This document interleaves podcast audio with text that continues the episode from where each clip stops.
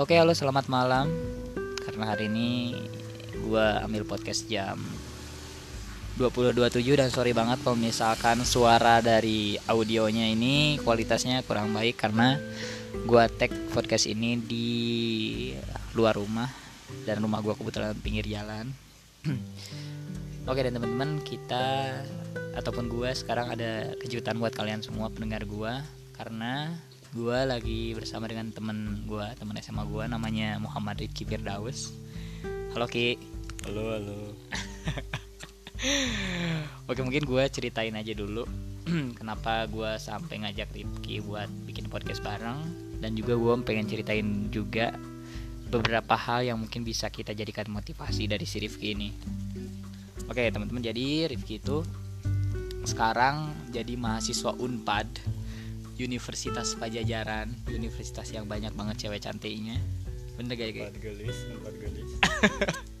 Unpad Gelis ya bener banget. Dan jurusan geologi.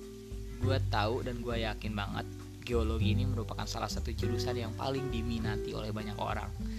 Dan alhamdulillah si Rifki ini masuk di antara salah satu orang yang berkesempatan kuliah di geologi Unpad tahun 2019 dan em, sebenarnya Ki ceritain dong Ki gimana prosesnya lu bisa masuk ke Unpad jurusan geologi ini Ya sebenarnya gue juga gak nyangka ya. Eh, dari SMA juga gue orangnya bukan yang rajin-rajin banget gitu. Justru gue SMA lebih sibuk ke ekskul organisasi ya organisasi. oke Justru kadang ya meskipun gak se ekstrim Fauji ini ya yang sering dispense sampai punya julukan dispenser di kelas ya. Ya eh, a- adalah waktu yang tersita buat ekskul. Oke. Ya, ya baru mulai fokus buat belajar ya paling setelah ya sibuk ekskul ya kelas 12 baru inilah. Fokus buat gak fokus nggak fokus fokus banget juga sih. ya oke. Ya cuman eh, waktu luangnya adalah untuk mempersiapkan mungkin ya Iya. walaupun nggak semaksimal mungkin gitu kan ya. Iya bisa. Oke tapi dengan gue tahu banget persiapan si Rifki ini kayak gimana. Jadi persiapan lu waktu itu kalau nggak salah yang pertama lu nggak ikut bimbel. Iya. Cuman memanfaatkan salah satu aplikasi ruang guru ya. Iya. Oke cuman pakai aplikasi ruang guru dan itu pun nggak intens lu akses setiap hari iya. untuk UTBK iya. Karena waktu itu jadi gini teman-teman. Waktu 2019 itu kita UTBK dapat kesempatan dua kali ya. Iya benar. Eh, dua kali kesempatan UTBK dan bisa ngambil eh, sekali sosum sekali saintek ataupun dua-duanya sosum ataupun dua-duanya saintek. Benar. Lu waktu itu ambil saintek dua-duanya? Sendek dua-duanya. Oke nilai yang pertama sama kedua bisa disebutin nggak kira-kira? Eh, kisaran 600 lah. Itu dua-duanya? Ya hampir mirip lah dua-duanya. Oke. 600an dengan persiapan yang nggak begitu matang lu dapat 600 iya sedangkan gua dan banyak banget teman-teman yang lain dengan persiapan bimbel dan sebagainya gue tuh cuma dapat nilai kurang lebih sosum 570 dan yang gue tahu juga beberapa teman kelas gua yang sebenarnya gua ekspektasikan dia bakal masuk ataupun dapat nilai UTBK tinggi tuh. Dan banyak kelas banget lah bukan cuman kelas kita kan. Akhirnya harus eh, gagal di UTBK gitu. Dan sebenarnya menurut lu dari pengalaman lu dapat nilai UTBK tanpa dengan persiapan yang matang apa sih kuncinya kira-kira cuk? Eh, pertama yang pertama tuh sebenarnya lebih ke peduli sama diri lu sendiri dulu deh. Soalnya pertama alasan gue gak ikut bimbel eh, karena waktu itu kan gue teman sekamar gue kan ikut bimbel dari kelas 2 ya kalau gak salah. Nah gue tuh liatnya kayak dia pulang bimbel eh, capek gitu langsung tiduran gitu. Nah gue mikirnya jadi malas gitu kalau ikut bimbel soalnya. Eh, daripada gue ya badan gue gak enak gitu atau misalkan sakit gitu. Oke. Ya mending eh, belajar sendiri dulu lah eh, nyoba sendiri Eh, atau ya kayak opsi gue yang gue pilih ya lewat apa bimbel online lah Oke. kehitungnya Oke. ya meskipun gue gak ma- eh, ya gue gak teratur ya pakainya jadi ya buat kalian yang udah bimbel atau yang online juga ya kalian gak perlu apa berhenti langsung tuh Oke. ya gak perlu gitu tapi ya pertama eh, jangan sampai karena ngejar nilai oke. eh, kalian tuh ngorbanin kesehatan kalian. Oke. Nah, karena ya percuma juga ya misalkan kalau pas UTBK kalian ngedrop atau ya adalah ngeblank atau gimana. Hmm, yang pertama sih itu sih eh, kedua sih orang tua sih restu orang tua. Oke minta doa Eh, ya jujur aja sih gue eh, pilihan pertama UTBK tuh eh, lebih karena disaranin orang tua gue. Jadi gue dulunya gak sempat mikir bakal lolos ke unpad ini. Oke. yang gue eh, mikirnya oh pilihan kedua aja yang itu emang eh, pilihan benar-benar gue waktu itu Eh, lalu pas UTBK-nya pengumumannya keluar dan ternyata eh, masuk. masuk. Geologi unpad. Ya dan dan dan pas si Rifki ini diumumin geologi unpad itu dia nggak kasih tahu teman-teman kelas. Ya nggak? Iya. Oke itu catatan pertama dia nggak bilang sama sekali maupun sama apalagi sama gua pun teman dekatnya nggak pernah bilang. Gua tahu-tahu si Rifki masuk unpad nih si kampret ini waktu ada pendataan siapa yang masuk SBMPTN ya nggak waktu Eh. disuruh BK berapa orang yang masuk sebelum SBMPTN pas gue nganter ini Oh iya benar, waktu nganterin nanas ya. Oh iya, jadi gini gini ceritanya tuh dia tiba-tiba datang ke rumah gua karena dia dari Subang, jadi dia kan oleh-olehnya nanasnya. Dia datang ke rumah gua tiba-tiba bawa nanas. Gua kira buat gua kan itu nanas kan. Dia tiba-tiba bilang, "Zi, antar ke wali kelas." Sama Pak Gopur lah salah satu guru-guru di ya beberapa guru-guru di sekolah kan ya. Untuk ngasih nanas gue bilang lah siapa yang hamil anjir? Eh gue itu mikirnya eh apa? Eh bersyukur lah eh, gue juga mau misalnya berterima kasih lah oke. ya ke guru-guru gue ya meskipun gue di kelas gak bukan anak teladan oke bukan Ya. anak rajin ya karena kajian tapi ya guru ya, sekecil apa pun ilmu yang bisa Guru kalian kasih, ya. dapat meskipun bukan dari guru juga ya itu berharga banget betul jadi intinya sih kita nggak jangan sampai lupa berterima kasih sama orang-orang baik di sekitar kita gitu bumi ya Hmm. dan gue lanjut cerita yang tadi ya kayak cerita yang nanas itu loh gue kaget ah ini si Rifki ngehamilin siapa anjing? Kok bisa bawa nanas sebanyak ini? Gitu kan. Dan ternyata dia bilang iya gue mau, mau ngasih ke guru sekolah karena gue lulus UTBK lah anjir lu lulus UTBK lu masuk jurusan apa? Geologi geologi unpad. Dia ragu ngomongnya kan. Gue nggak tahu kenapa dia ragu mungkin karena nggak percaya juga ya. Ya. Kaget juga.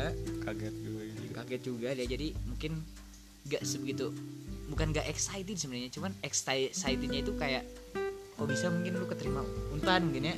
Karena rata-rata di kelas kita yang keterima unpad tuh eh, yang keterima SBMPTN aja ya cuman empat orang kalau nggak salah. Eh itu yang SNMPTN enggak Yang- SBM SBM 4 oh empat. SNM 3 ya eh, SNM 3 kalau nggak salah ya kalau nggak salah ya teman-teman. Jadi cuman sebagian kecil aja yang masuk SBMPTN dan itu di luar ekspektasi semua. Iya nggak itu di luar ekspektasi ya walaupun ya ada kayak gue sebut namanya si Talita masuk kedokteran si Denia SNM, SNM. SNM ya? Si ya ada beberapa lah yang masuk ke eh, Unpad ataupun univ lain gitu kan. Oke terus gue pengen nanya juga eh, mungkin ini yang teman-teman butuhin ya kayak kehidupan di kampus sekarang terutama di Unpad mungkin yang pasti beda banget sama SMA kira-kira menurut tuh gimana ki? Eh, ngomongin soal kampus ya pertama ya ya mungkin udah banyak yang bilang gak kayak SMA Eh, pertama ya eh, SMA kan gue udah ngekos ya dari SMA juga karena emang beda kota. Oke ya meskipun jarak dari SMA ke kampus cuman sejam lah. Masih masih satu Sumedang kabupaten ya masih Sumedang, satu Sumedang. kabupaten juga. Tapi beda banget kerasanya. Kalau pas SMA gue datang sekolah itu telat. Ya meskipun telat tuh masih masih inilah. Ya itu kebiasaan buruk gue ya jangan ditiru. Oke jadi yang harus lu tahu ya teman-teman ya jadi si Rifki itu jarak kosan ke sekolahnya itu deket banget. Deket banget kalau misalkan jalan 3 menit 4 menit sampai ya? Ya itu karena kesantaian. Ya karena kesantaian. Jadi si Rifki ini coba kalau berangkat ke sekolah itu jam 7 tepat. Jadi masuk sekolah jam 7 lewat 10 Jam 7 lewat 5 baru sampai. Gak tahu kenapa karena memang benar juga ya Kayak misalkan orang berpikir kalau kosan kita semakin deket kita semakin santai kan. Hmm, Tapi itu mungkin berlaku sama sebagian orang. Dan termasuk si Rifki ini nih jadi dia saking deketnya ke sekolah dia santai banget bet. Berangkat ke sekolah. Telat terus tiap hari. Tapi kalau waktu SMA masih ditoleransi ya. Iya. masih toleransi lah guru kan. Tapi kalau di dosen di, di kuliah gimana tuh? Lu kalau telat eh, gimana? ya tergantung dosennya sih. Tapi ya eh, bersyukurnya masih bisa lah. 15 menit bisa lah. Ya kalau Oke. lebih dari itu lebih ke malu kesendirinya sih. Oke oke oke oke terus masalah pergaulan Ki, gimana menurut lu gimana? Pergaulan ataupun lingkungan. Aduh sorry sorry. Eh, pergaulan ataupun lingkungan di kuliah sekarang tuh kayak gimana menurut lu? Eh, pergaulan ya lebih beda lagi ya karena kuliah tuh kan lebih banyak gitu orang-orangnya.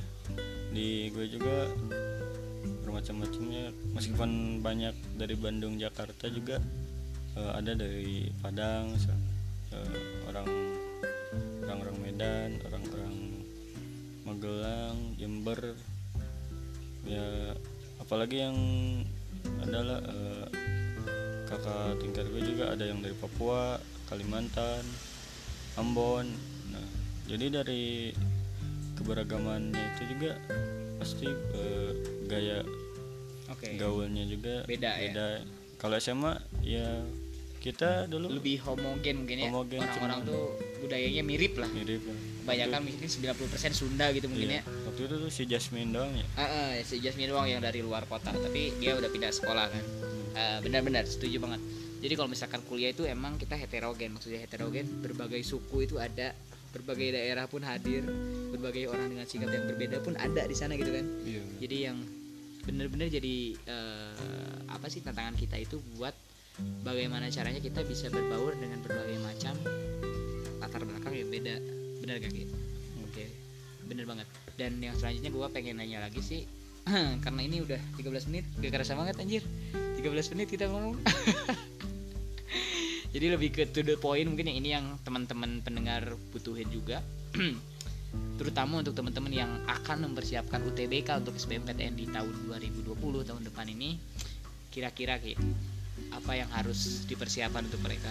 Kira-kira menurut lu menurut pandangan lu itu pesan lu untuk mereka itu apa Ki? ya gue juga sebenarnya bingung ya karena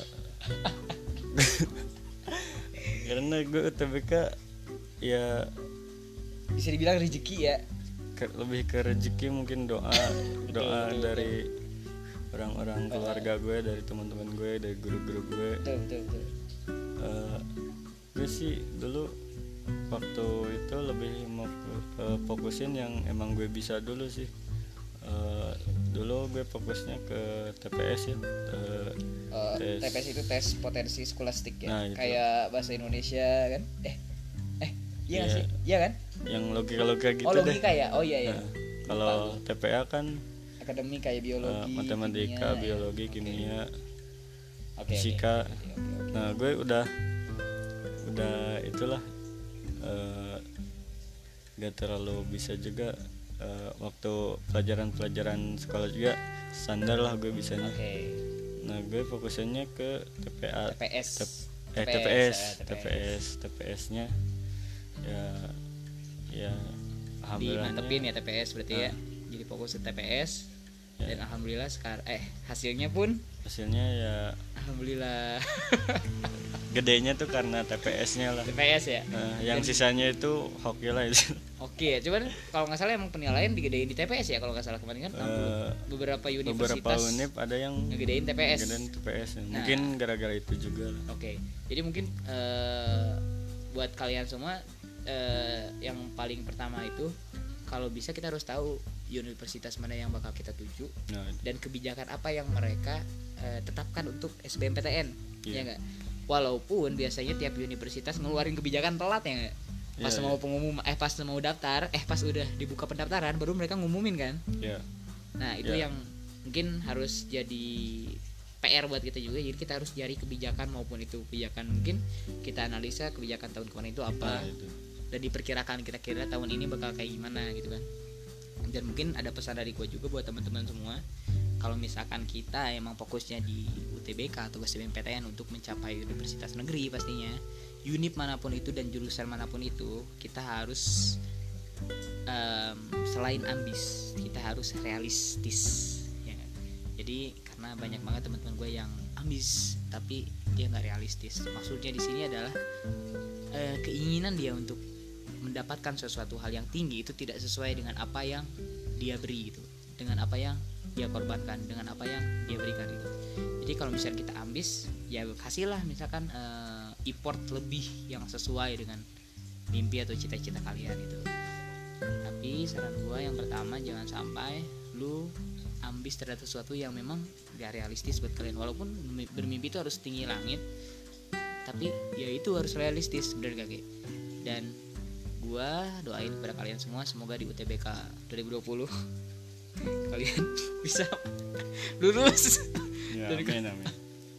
Dan terutama teman-teman yang gap year mungkin teman-teman gua yang gap year semoga bisa lulus juga. Amin. dan yang udah kuliah yang mungkin mau ikut lagi UTBK mau ganti unip. Bisa lulus juga ya. Gitu Semoga. sih mungkin. Semoga jalannya dimudahkan. jalannya dimudahkan. Oke begitu teman-teman karena ini udah 17 menit gak kerasa banget. Eh, semoga aja podcast ini bermanfaat kita dadakan banget tanpa kita rencanakan ini podcast ini dan eh, apalagi ya? Ya udah mungkin kayak gitu. Iya. kita doakan yang terbaik buat kalian semua semoga sukses di UTBK ataupun SBMPTN 2020 dadah. Semangat. Semangat